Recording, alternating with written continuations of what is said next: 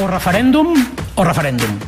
A proceder al cese del presidente de la Generalitat de Catalunya Well, I have to say, you're not laughing now, are you? Catalunya, hem guanyat les eleccions! de fer un pas al costat, de no presentar-me com a candidat de Junts pel Sí a la reelecció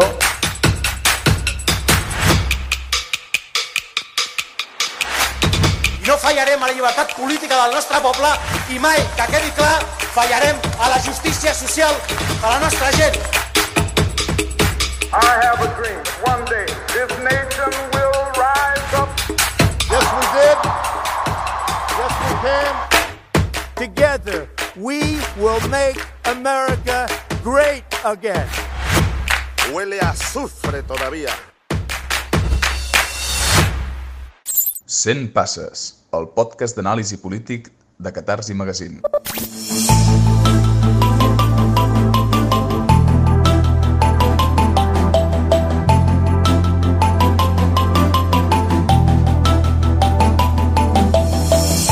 L'any 2012 la CUP va sorprendre a tothom.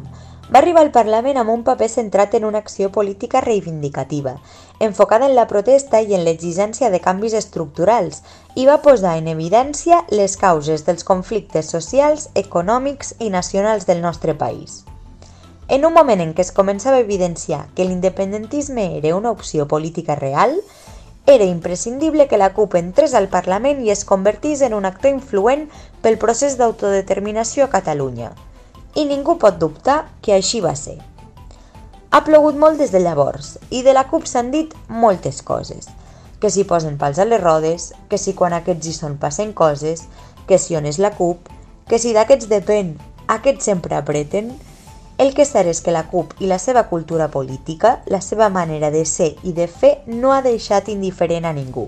Venim d'una legislatura complicada, per la CUP, per l'independentisme i pel conjunt del país en general, i davant d'uns nous comicis al Parlament de Catalunya ens preguntem i la CUP què? Ningú pot negar que venim d'un cicle polític esgotat i que l'independentisme necessita posar nous horitzons on situar objectius en positiu i que les eleccions del proper 14 de febrer poden ser un punt d'inflexió a la política catalana.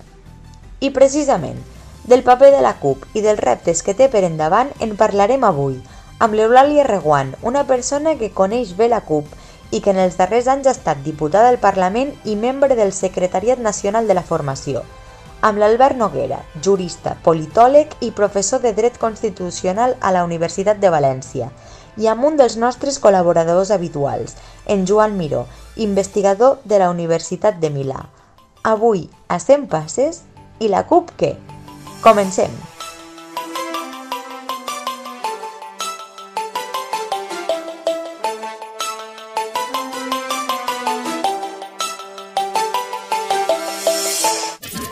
Això és 100 passes. Política, anàlisi i profunditat. Doncs ara sí, comencem la taula d'anàlisi d'avui amb l'Eulàlia Reguant, l'Albert Noguera i el Joan Miró i començarem pel principi, una mica per aquests, aquests últims anys. Com hem dit abans a l'editorial, la CUP al 2012, al 2012 surt a la política nacional presentant-se a les eleccions del, del Parlament fins a aquesta darrera legislatura que va començar el 21 de desembre del 2017. Començo per tu, Eulàlia, com a persona que has viscut la CUP des de dins, des de molt de dins.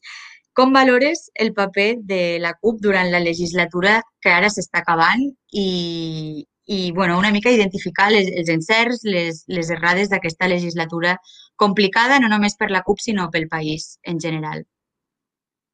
Vale, jo diria que ha estat, o que podríem definir aquesta última legislatura amb una paraula que té a veure amb, o sigui, que seria resistència, no? però que si, si comencem pels errors o per les dificultats, eh?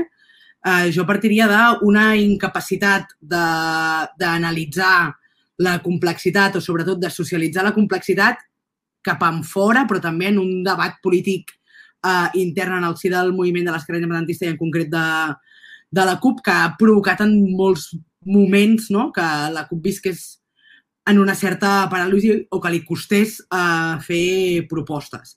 Per mi segueix sent aquesta, eh? el punt de que un procés de ruptura o d'alliberament nacional parteix d'una complexitat enorme i que en un moment fins i tot vam, vam entrar en la lògica de que tot era molt senzill i que uh, era fàcil implementar una república. No?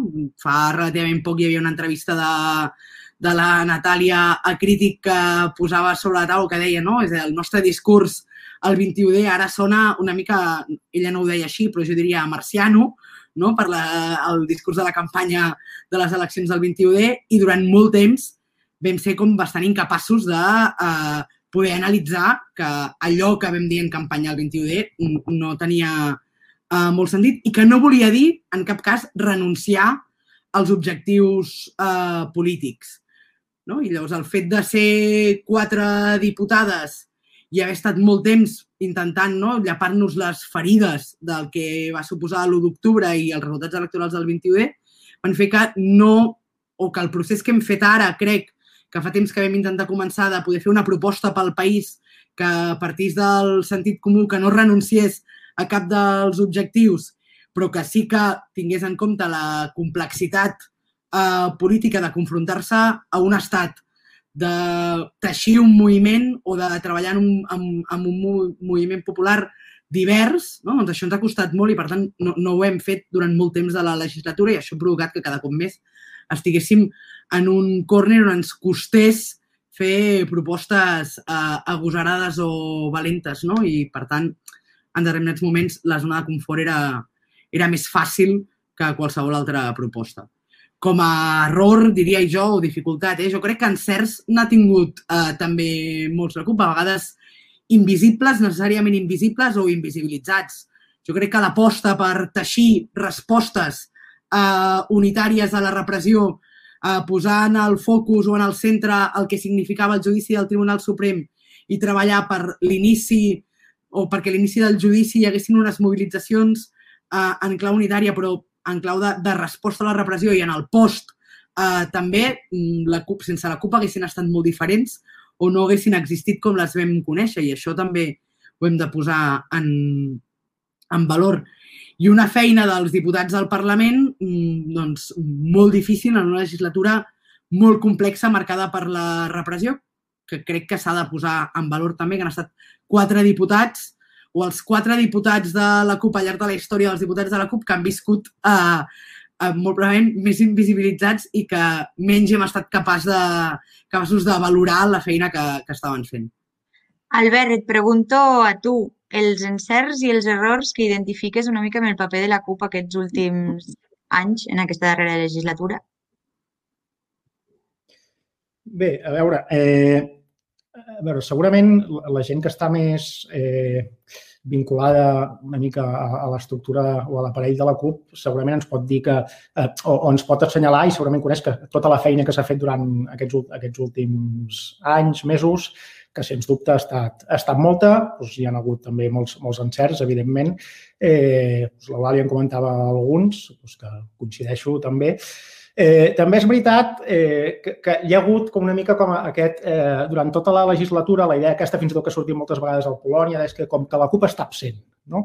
Eh, la idea aquesta de l'ausència de la CUP. Eh, és cert que s'ha fet molta feina, eh, però a, a, al cap i a la fi, eh, si fas molta feina i la gent percep que estàs absent, tens un problema. Eh, Llavors, eh, una mica podem analitzar quines són les causes eh, que fan o que han donat lloc a aquesta aparent absència de, de la CUP. No? Segurament eh, hi han causes externes, eh, per exemple, l'ausència la, de, de, la, de la CUP en els mitjans de comunicació eh, reiteradament és, és una causa que, que, és, que, o sigui, que dona lloc a aquesta sensació d'ausència de la CUP i que és evident. Però segurament també hi ha causes eh, internes, l'Eulàlia en comentava algunes, eh, i, i que crec que hem d'assumir en forma d'autocrítica, eh, simplement pel fet de millorar-les. No? En podríem dir moltes. Eh, jo, en, en, per centrar-me en, en una, en podria dir més, però per centrar-me en alguna, jo crec que en aquesta última legislatura, és, és, és un tic normal de la CUP, però especialment en aquesta última legislatura, jo crec que n'hem sapigut moltes vegades trobar l'equilibri entre el fer ideologia i el fer política. Eh, I quan tu moltes vegades fas més ideologia, que és cosa que ha passat molt a la CUP, eh, fas molta més ideologia que política, tens el perill d'acabar-te convertint en el que jo anomeno un, un partit fora història. Eh, I per entendre a què em refereixo amb això, és una mica entendre la distinció aquesta entre el que jo dic un partit intrahistòria i un partit fora història. Eh, a veure, per entendre això, eh, bàsicament cal partir de la idea que perquè els canvis socials eh, es puguin donar com a fets casuístics en una societat concreta, eh, s'ha de produir una, una interacció entre, entre dos elements. Eh? S'ha una interacció recíproca entre dos elements. En primer lloc, ha d'existir una voluntat real de canvi en la societat. És una, un canvi que s'ha de voler en la societat. Ha d'existir un element subjectiu. Eh, un canvi no és alguna cosa que sorgeix de manera atzerosa, sinó que aquest no existeix si no hi ha un desig o una voluntat a la societat de que es dongui. I, per altra banda, eh, ha de ser, ha d'existir una possibilitat real de que es doni el canvi. Ha d'existir un element subjectiu. Han de donar-se condicions històriques perquè aquest canvi es pugui donar fàcticament de manera real. Eh, partint d'això, jo denomino unes propostes polítiques intrahistòria aquelles que complirien bàsicament aquestes dues condicions. És a dir, que representen o porcifiquen la voluntat d'una part de la societat eh, i que, a més a més, contenen mesures concretes per portar-se a la pràctica. Eh? Eh, això el que et permeten és connectar amb aquests sectors de la societat i, a més a més, si les fas efectives, fa que per aquests sectors de la societat sentin que és útil votar-te. No? Pues perquè aconsegueixes coses que beneficien, petites coses que beneficien els seus interessos de classe. Eh, això, en realitat, és fer política. Pel contrari, eh, jo anomeno un programa polític o un partit fora història propostes polítiques que no compleixen cap d'aquestes dues condicions. I aquí, evidentment, no en totes, només faltaria, però sí que moltes vegades, quan sortim a la tele, eh, el que acabem fent eh, és fent propostes fora història. I, i podem posar diversos exemples. Eh? Per exemple, en, el juliol passat, a la roda de premsa que es fa eh, a la plaça del Rei, de Barcelona, on la CUP, amb altres organitzacions de l'esquerra independentista, fan les 10 propostes per sortir de la, de la crisi. Eh, cito textualment. Eh, nacionalització de la indústria turística, expropiació sota control públic dels recursos sanitaris privats, eh, nacionalització sota control dels sectors estratègics i l'economia i empreses dels serveis essencials, expropiació dels sols i dels immobles, eh, retirada de la policia i militars dels països catalans, dissolució de tots els antiavalots, etc.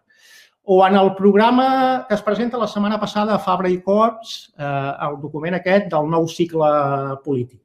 Eh, en l'apartat eh, bloc econòmic, un dels tres blocs, eh, el que es planteja és la transició cap a una economia planificada. L'apartat 1 d'aquest eh, bloc es titula Pla per un model industrial socialista.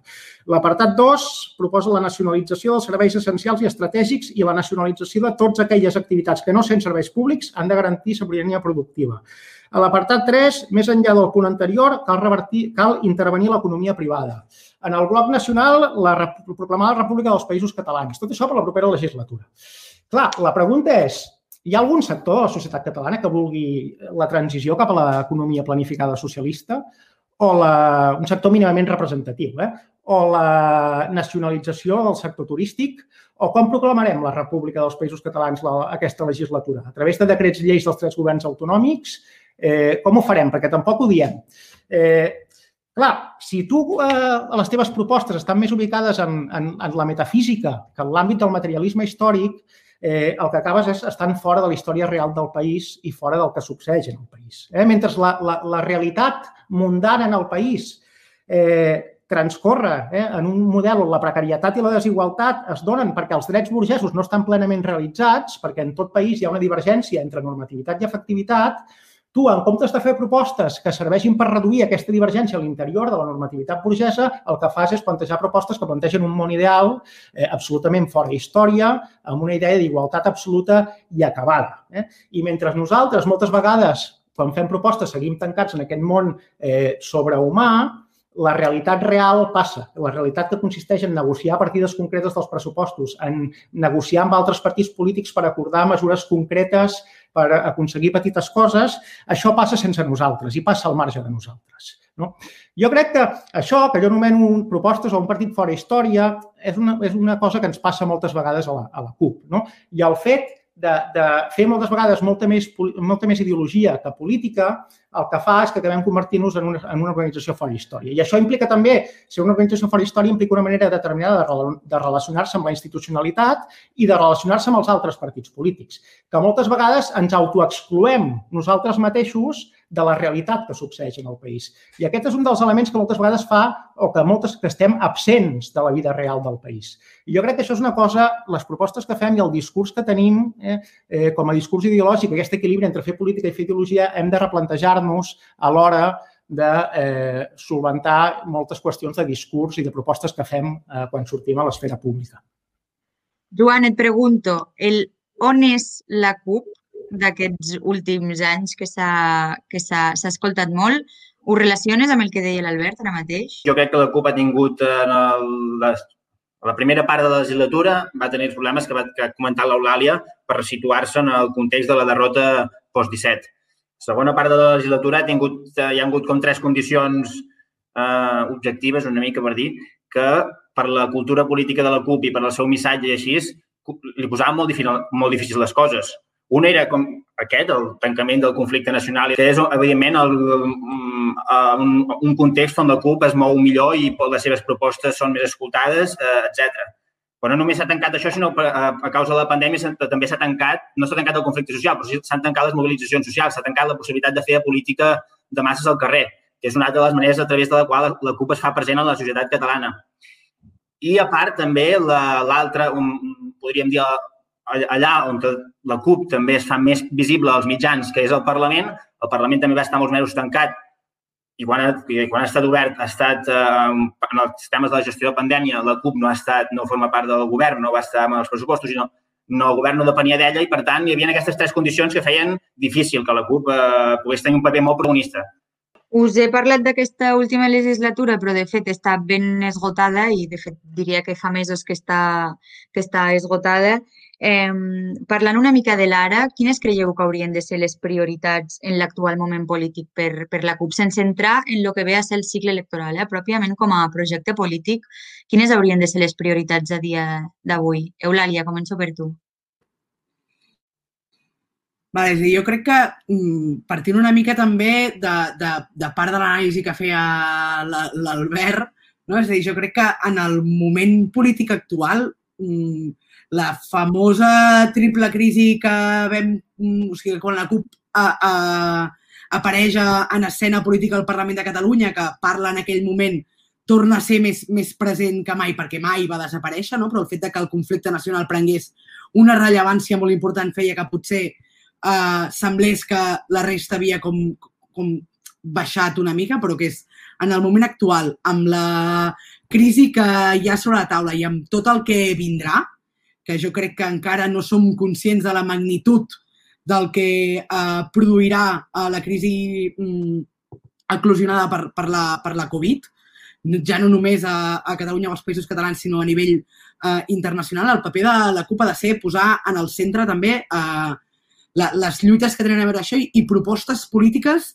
que combinin una mica el que deia l'Albert, no? de la capacitat de poder fer ideologia, però alhora també propostes eh, concretes que donguin resposta a les necessitats de moltíssima gent que veurem, o que ja estem veient ara, que, que i veurem en el futur encara més, que pateix d'una manera eh, brutal eh, les conseqüències de tot plegat. I, per tant, en un panorama d'un escenari de, dificultat d'accés a l'habitatge que s'agreuja, d'un atur o una precarització que seran molt més grans, un sobreendeutament a nivell internacional de les institucions, etc.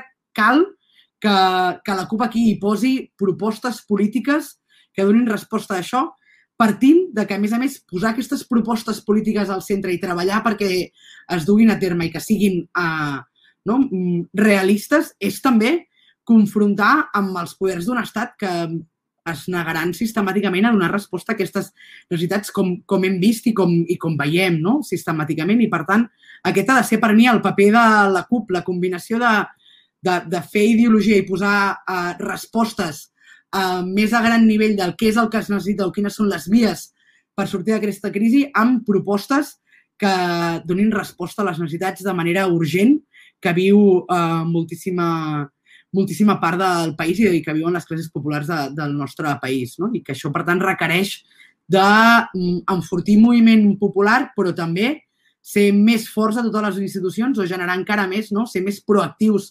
uh, a les institucions per mm, ser útils uh, a la gent, ja no només organitzant-les, sinó també donant-li donant aquestes respostes i aquestes eines per poder mm, viure mínimament.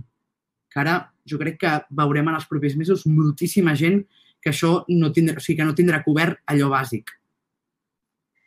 Albert, et pregunto a tu també per les prioritats de la CUP i també et pregunto eh, com es pot aconseguir que algo que, que sembla ara més fàcil que mai dintre de la dificultat de d'aconseguir-ho en un moment, i més després de la crisi del Covid, que sembla que, que les tesis de la CUP doncs, són més de sentit comú que mai, o possiblement el discurs de la CUP eh, pot ocupar una centralitat, no és capaç de capitalitzar-ho com a tal la CUP. Llavors, una mica, com, com creus que la CUP hauria d'abordar aquest gran repte que té?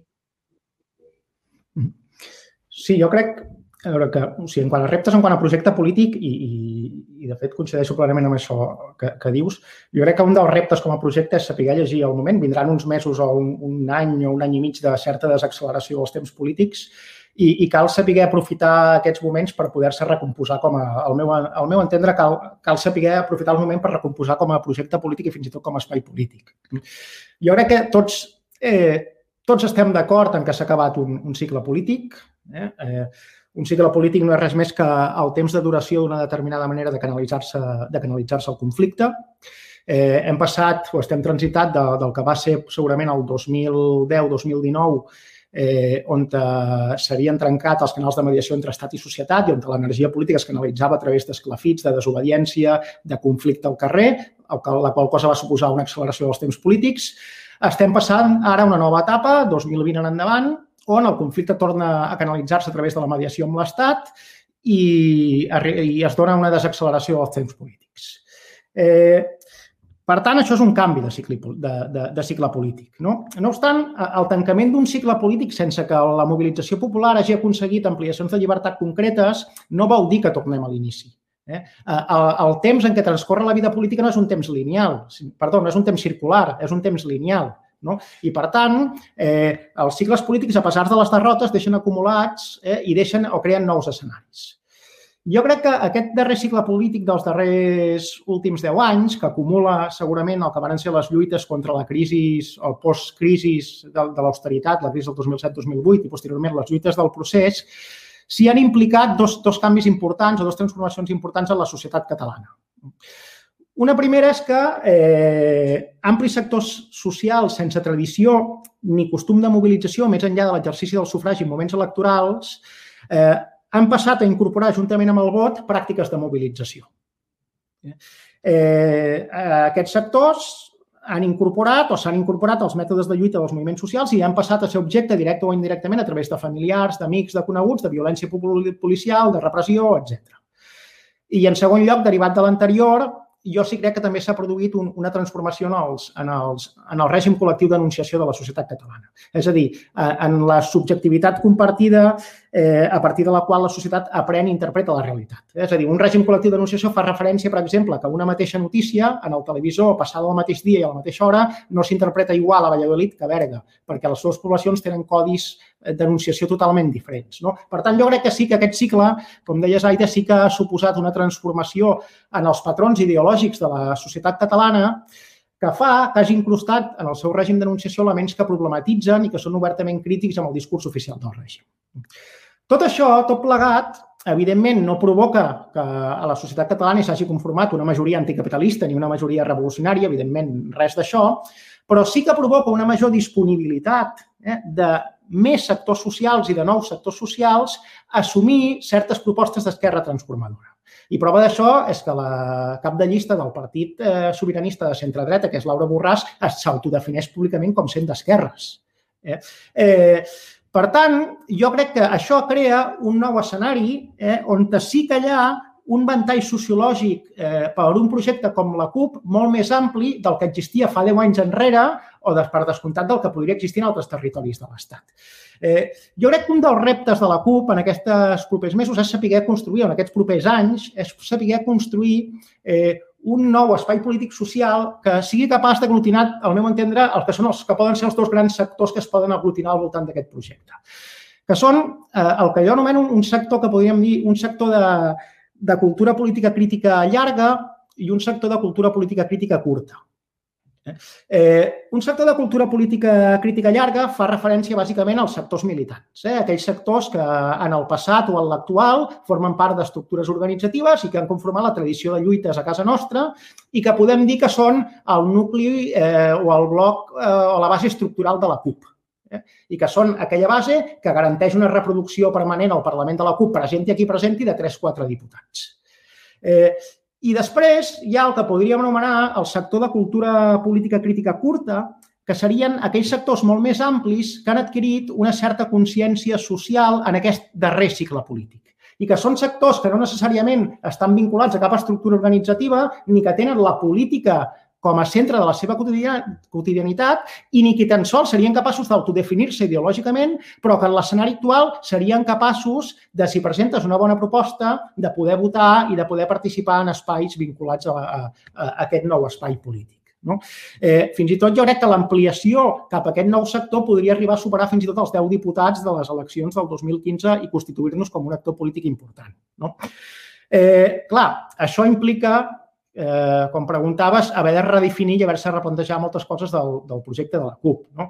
Una de les coses que cal replantejar, evidentment, és el, el, el discurs i el programa polític i les propostes polítiques que formules, com deia abans. Eh? Cal deixar de ser, en aquest sentit, un partit fora història, com deia abans, per començar a presentar propostes polítiques reals i això implica també, com deia abans, canviar la nostra relació amb la institucionalitat, eh? no, no deixar d'anar al Congrés o al Parlament a fer ideologia de faristol i poca cosa més i començar a negociar, a parlar, eh, aconseguir que les teves mesures s'aconsegueixin, s'aprovin i que impliquin certa materialitat i que la gent trobi útil votar-te perquè millores encara que siguin petites coses la seva vida.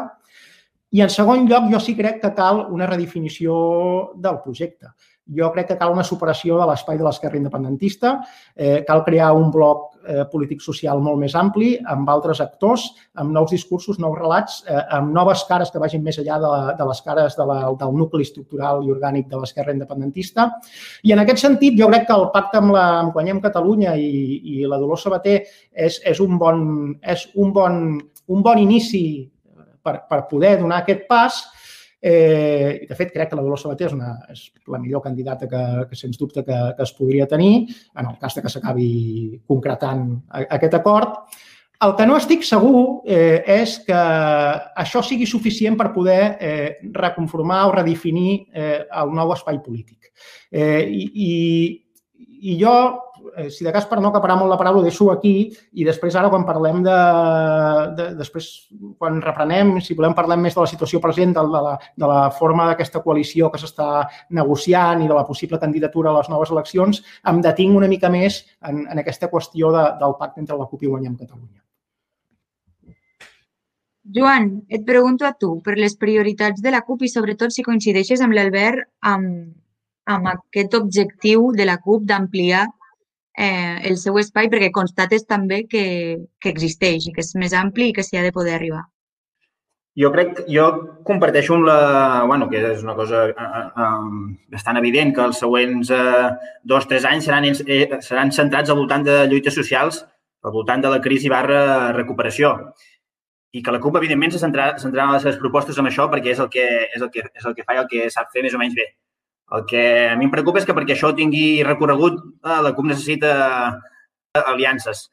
Um, i, si, i, I aquí vaig, que jo crec que, per tant, una, perquè aquestes aliances siguin productives, crec que una prioritat per la qual hauria de treballar la CUP eh, després del 14F és perquè el puigdemontisme barra Junts barra Convergència, de, tot aquest conglomerat, eh, no, no estigui, si pots, que no tinguin la presidència de la Generalitat i que no tinguin el, i que no tinguin el govern. Jo crec que la, seria bo per la CUP i seria bo pel país. I seria bo per l'independentisme perquè l'independentisme ha fet moltíssimes coses, ha fet referèndums, ha anat a picar porta a porta per convèncer la gent, ha, ha, fet, ha tallat carreteres, etc per intentar-se donar una imatge de renovació i tal, però el que mai ha fet l'independentisme és posar un president que no sigui de Convergència, és a dir, un, president aquí, un president que sigui una mica que sigui una mica, no molt, ja sabem com era, però que sigui una mica d'esquerra. Per tant, jo crec que hauria de ser una prioritat eh, de la CUP eh, a següents amb el que facin els següents tres mesos. Eulàlia, et pregunto ara tu com a persona que vius la CUP més des de dins, si comparteixes l'anàlisi o, o els reptes que, que situava una mica l'Albert a la seva intervenció en relació a ampliar l'espai de, de la CUP i, i la resta de, de reptes que ell ha anat, ha anat explicant.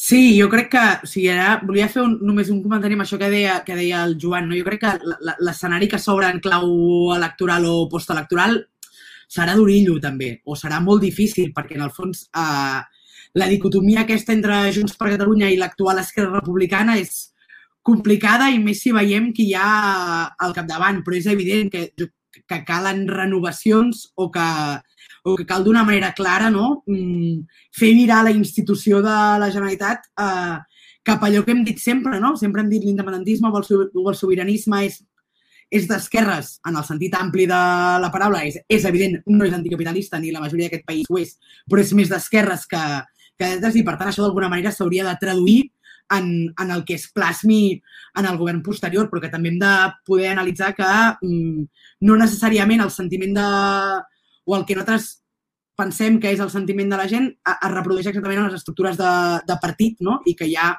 unes inèrcies i, per tant, que l'escenari que s'obre també en clau institucional mmm, serà interessant, però alhora serà difícil per poder eh, dur a terme certes propostes que sense voler ser de fora història, com deia l'Albert, no? però que tinguin un, una mica o que responguin una mica al, al rerefons ideològic de, de la CUP.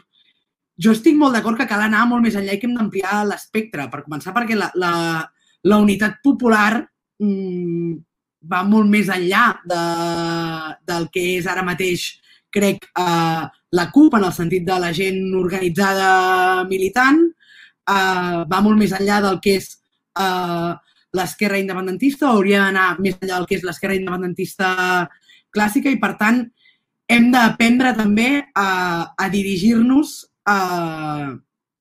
i a interpel·lar, ja no només des d'un punt de vista uh, unidireccional, sinó també treballar en clau bidireccional amb la gent que no ha estat o que no serà mai una militant en el sentit estricte com, com és per nosaltres i ser capaces d'implicar-la sense demanar-li una militància en espais de lluita ja no dic eh, en, en la CUP, sinó en, en espais de lluita molt, molt militant, perquè això no, no, no passarà. Jo crec que podem valorar que en els darrers 10 anys hem crescut molt també en, aquest sentit, no? i que potser tampoc eh, tenim la capacitat d'anar més enllà o no és tan fàcil activar la gent, però que alhora les, hi, hi ha tot un aspecte de gent que ha d'animar-se o que ha de votar amb il·lusió, no? I per tant hi hem de donar alguna cosa més del que fins ara hem donat, que crec que hem estat capaços de mobilitzar uh, moltíssima gent i que durant molt temps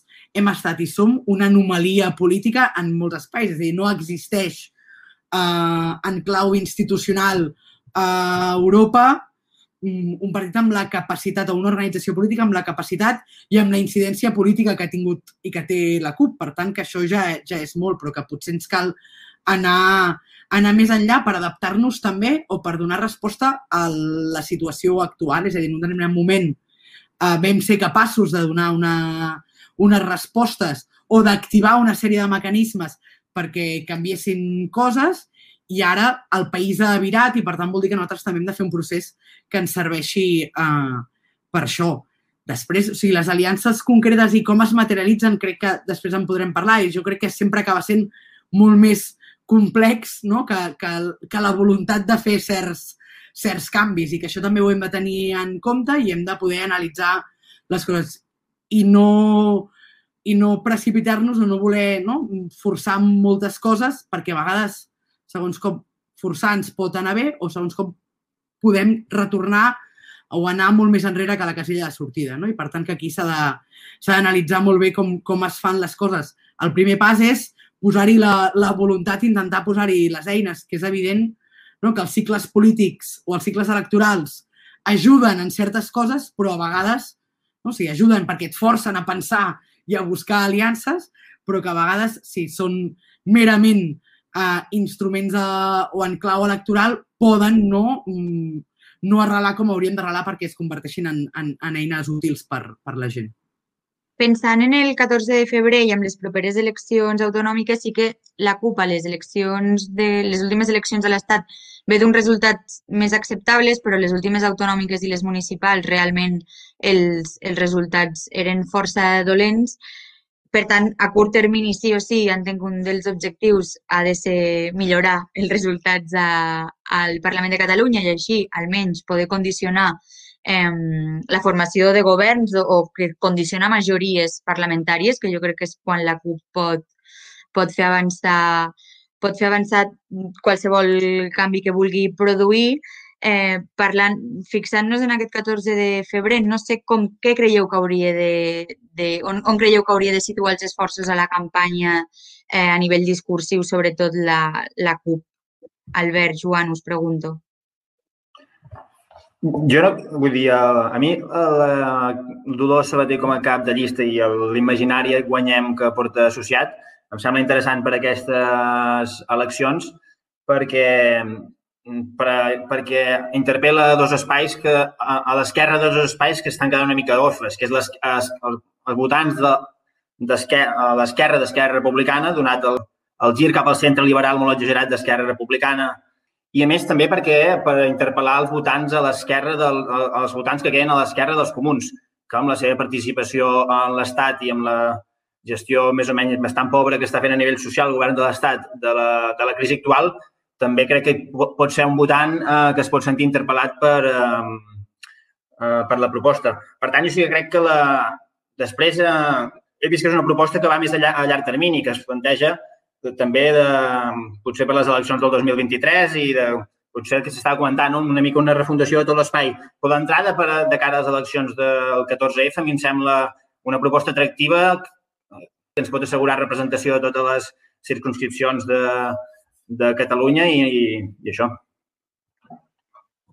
Albert, et pregunto a tu, abans ja has dit que la Dolors Sabatet semblava una bona candidata, per tant, també has situat la necessitat d'ampliar l'espai i que segurament doncs, eh, és un primer pas per que indique que la CUP pot anar cap aquí. En concret, parlant de la campanya electoral, on creus tu que hauria de focalitzar els esforços la, la CUP per recuperar aquesta idea de quan la CUP és imprescindible passen coses, que jo crec que és, és la gran assignatura aquests mesos. A veure, jo eh, bueno, eh, recuperant una mica, si em permets contestar, bueno, seguim això que plantejava en Joan. Sí, sí, fes. Eh, amb, amb el tema de, eh, de la candidatura, perquè han tret un tema, eh, jo, eh, jo, ell deia que ens pot permetre una mica ampliar els, eh, els, ampliar els vots. Jo no crec que ens pugui permetre ampliar els vots. Jo crec que, eh, a veure, sobre l'aliança de, de la CUP amb, amb, amb Guanyem, eh, jo crec que pot portar, perquè dic, si s'acaba donant a terme, pot portar a, a que la Dolors Sabater eh, acabi encapçalant la, la llista de la candidatura que s'acabi fent. Jo crec que cal fer, eh, almenys jo faig una anàlisi a curt plaç, que en aquest cas és una anàlisi molt optimista, eh, i una anàlisi a mig plaç, que en aquest cas, eh, almenys per, per mi, és més pessimista.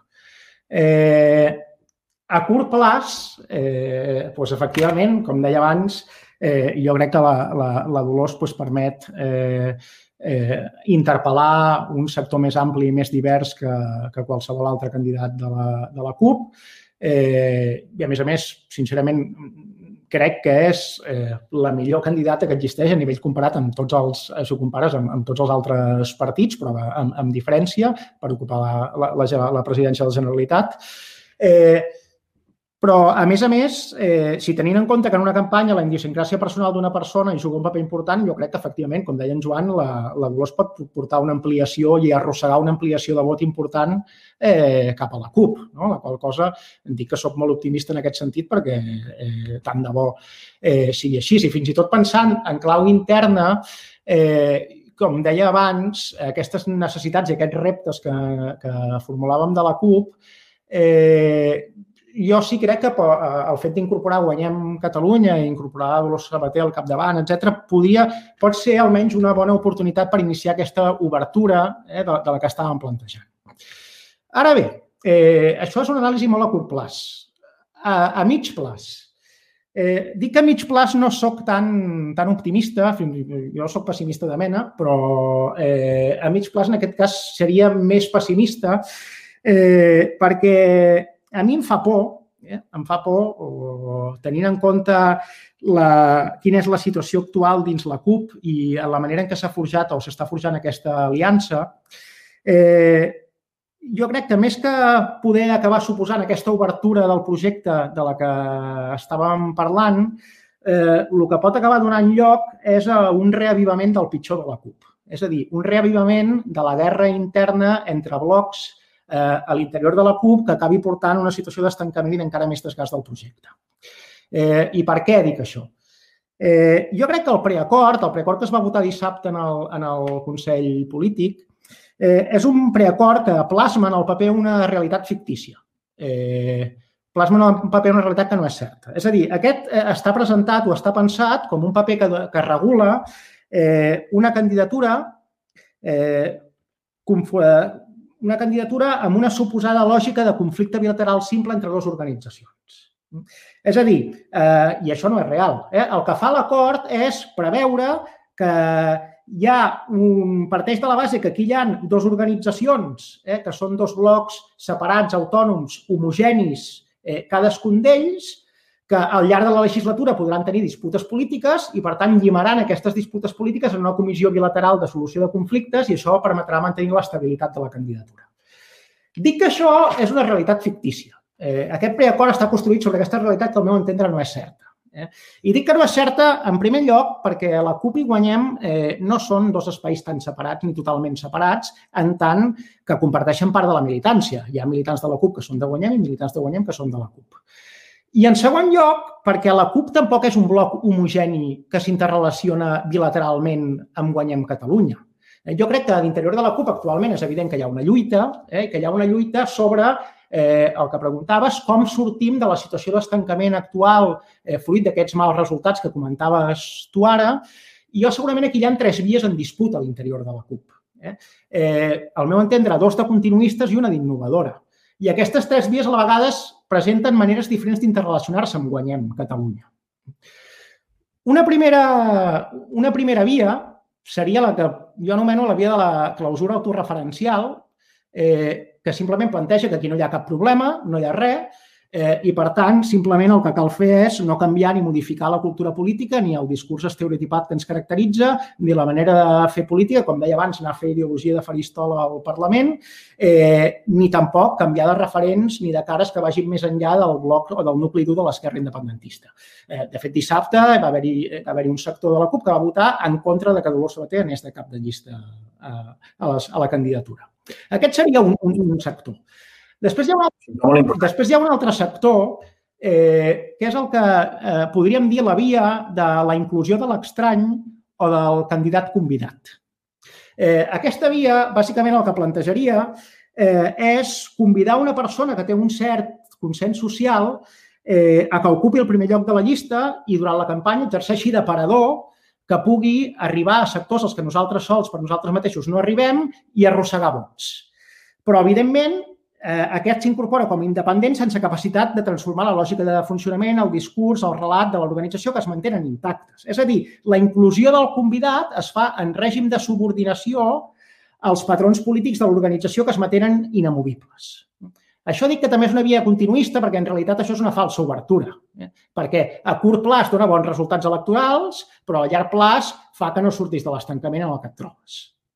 Que també és una via que ja que es planteja dins la CUP de manera com encarar aquesta, aquest acord.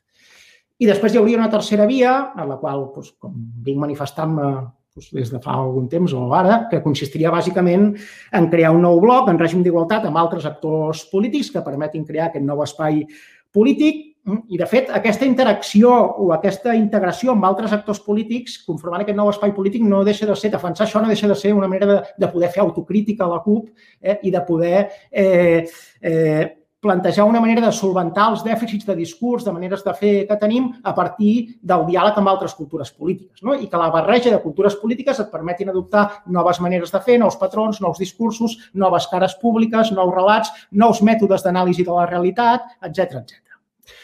Bé, eh, L'actual, tot això ho dic perquè l'actual disputa que s'està produint sobre la naturalesa de, de l'acord la, entre Guanyem per Catalunya i la CUP eh, no és només una disputa entre Guanyem i la CUP.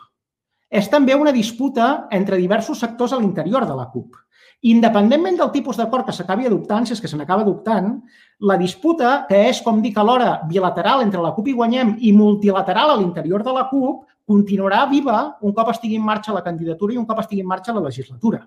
I això, si hi sumem que, a més a més, en el dia a dia la diputada del Guanyem Catalunya no podrà separar-se institucional ni operacionalment, ni podrà distanciar-se ni separar-se del que passi dins la CUP, i com deia abans, que hi ha militants que són de les dues organitzacions a la vegada, això el que implicarà és que les disputes i les lluites que es produiran dins la, dintre la legislatura no seran una disputa bilateral sempre entre Guanyem i la CUP, sinó que seran disputes multilaterals complexes que es donaran entre Guanyem i un bloc parcial de la CUP contra un altre bloc parcial de la CUP, que deixen de ser conflictes solucionables en una comissió bilateral per passar a conformar un únic espai relacional de conflicte on tots els actors estan barrejats.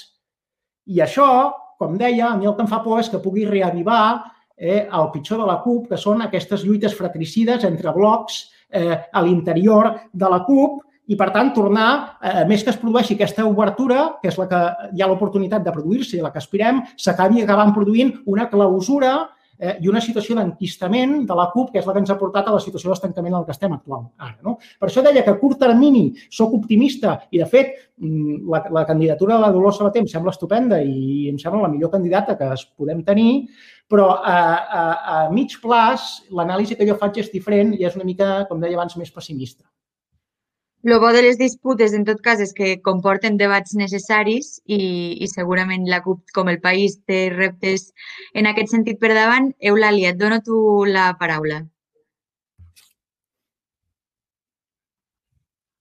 Jo una mica en relació que deia això, la, o sigui, el, aquest, o sigui, el comentari que feia l'Albert, eh? jo per això abans deia, no? és a dir, jo, jo estic de...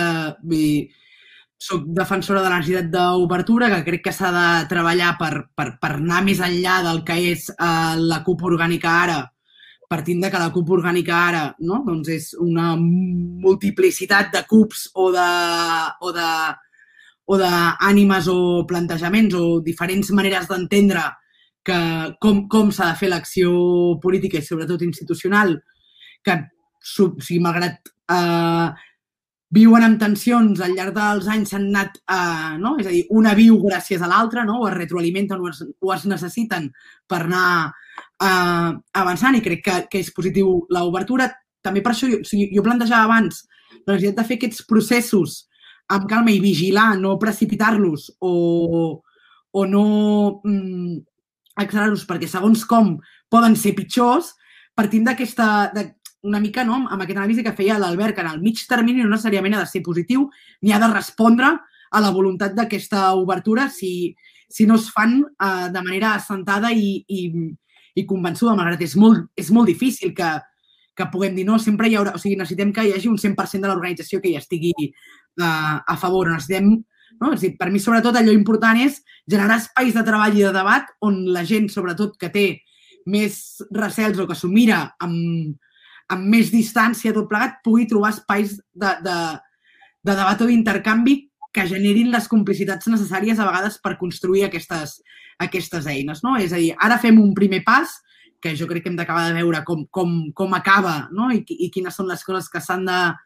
de llimar o no perquè doni, doni fruits l'acord eh, aprovat dissabte, no? però que no s'ha de, ni s'han d'obviar altres sectors o altres actors que seria interessant acostar-los, que potser pel 14 de febrer en clau merament electoral era molt difícil, perquè les cultures polítiques di diferents que hem d'incorporar necessàries potser era massa d'hora que es trobessin, no? És a dir, que a vegades, és a dir, aquesta combinació de cultures polítiques diferents també requereixen del seu temps per, per trobar-se, però que hem de seguir treballant per eh, incorporar o ampliar per aquestes cultures polítiques diferents o aquests actors, perquè si no ens quedarem coixos també, no? perquè si no haurem fet un acord amb un espai polític que mm, no deixa de ser com un cosí germà de la CUP, no? i per tant que, perquè té, té, té certs vasos comunicants eh, Mm, I, per tant, doncs sí, ens obrim, però amb certes limitacions. Eh? Per tant, vol dir que hem de seguir treballant eh, per això més enllà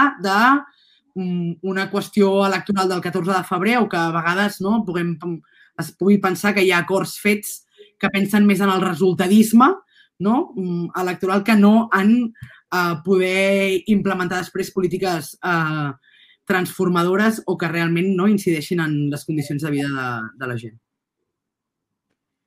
Doncs, si us sembla, per avui ho deixem aquí, però abans d'acabar, com a tots els programes, m'agradaria demanar-vos una conclusió que sigui una idea en relació a la pregunta que formulàvem a l'inici de, del programa d'avui i la CUP què. Joan, començo per tu, la teva conclusió del programa d'avui. Més, més que conclusió, aprofito per dir dues coses que m'han quedat al tinter i no he dit durant el debat. Un és de que crec que també serà interessant aquesta candidatura i els resultats que tregui perquè sí que la CUP ja ho havia fet, però amb aquesta amb l'imaginari que sembla que um, estarà al voltant d'aquesta candidatura és una ruptura bastant, bastant clara amb el, tot l'imaginari octubrista, etc. Aviam això quina conseqüència té per la CUP. I el segon, respecte, el segon punt que volia fer respecte a que el que s'està comentant ara és que és veritat que les tensions internes han estat molt elevades i ho segueixen sent, però també és veritat que si quan els resultats electorals van bé, sempre fa que, que les coses eh, flueixin millor amb 10 diputats que amb 3. Albert, la teva conclusió. Bé, jo molt ràpid i una mica de resum conclusió de, doncs, del que ja he dit. No? Doncs jo crec que la, el, el, nou cicle, el nou cicle polític que s'obre eh, ofereix el repte de que siguem capaços de crear eh, de poder redefinir molts dels, de, de les nostres limitacions, de poder continuar fent passos eh, per almenys a mig plaç poder crear a, a, a aquesta redefinició de la CUP i aquest espai polític on sigui la conjunció de les diferents cultures polítiques del sobiranisme d'esquerres a Catalunya. Eh, però per això i perquè això es pugui produir, jo sí crec que s'han de canviar aspectes com, eh, com deia abans, les no, la nostra, el nostre discurs, el saber equilibrar molt millor la manera de fer política amb la, amb la de fer ideologia, fer propostes no fora història, com deia abans, sinó intrahistòria, eh, canviar la nostra manera de relacionar-los amb les institucions, canviar la nostra manera de relacionar-los amb els altres partits polítics eh, i, i, per tant, és a partir d'aquesta redefinició, a partir de tots aquests elements, una redefinició i una, un canvi en tots aquests elements que segurament podrem avançar que aquesta, cap a aquesta redefinició de l'espai. No? I en aquest sentit, com deia abans, jo sí crec que eh, eh, aquest primer pas amb Guanyem Catalunya eh, al capdavant amb la Dolors Sabater pot ser un primer pas, però si això eh, no necessàriament té que portar una obertura, sinó que pot portar també el perill, si tot això no es treballa bé i no es fa bé, de que acabem cap a eh, una clausura i a una, una situació pitjor de la que ens trobem actualment. I Eulàlia, per últim, la teva conclusió del programa d'avui.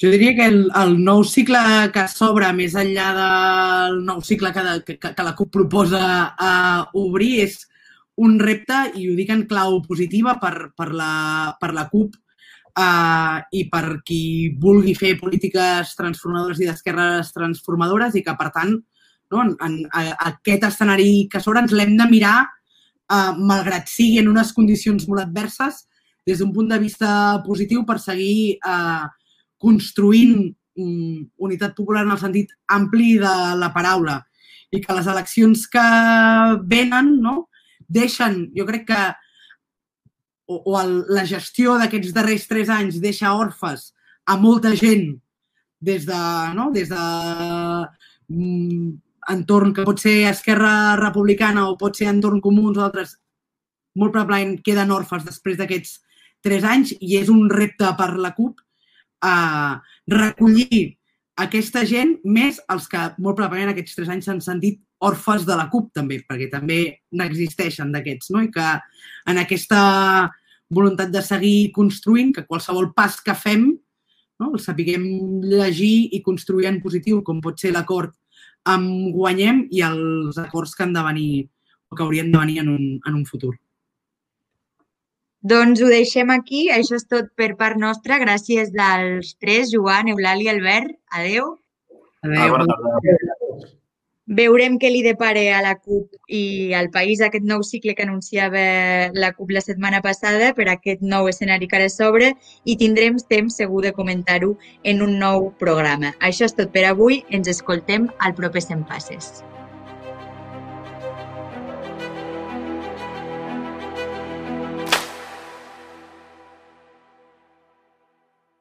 100 passes, el podcast d'anàlisi polític de Catarsi Magazine.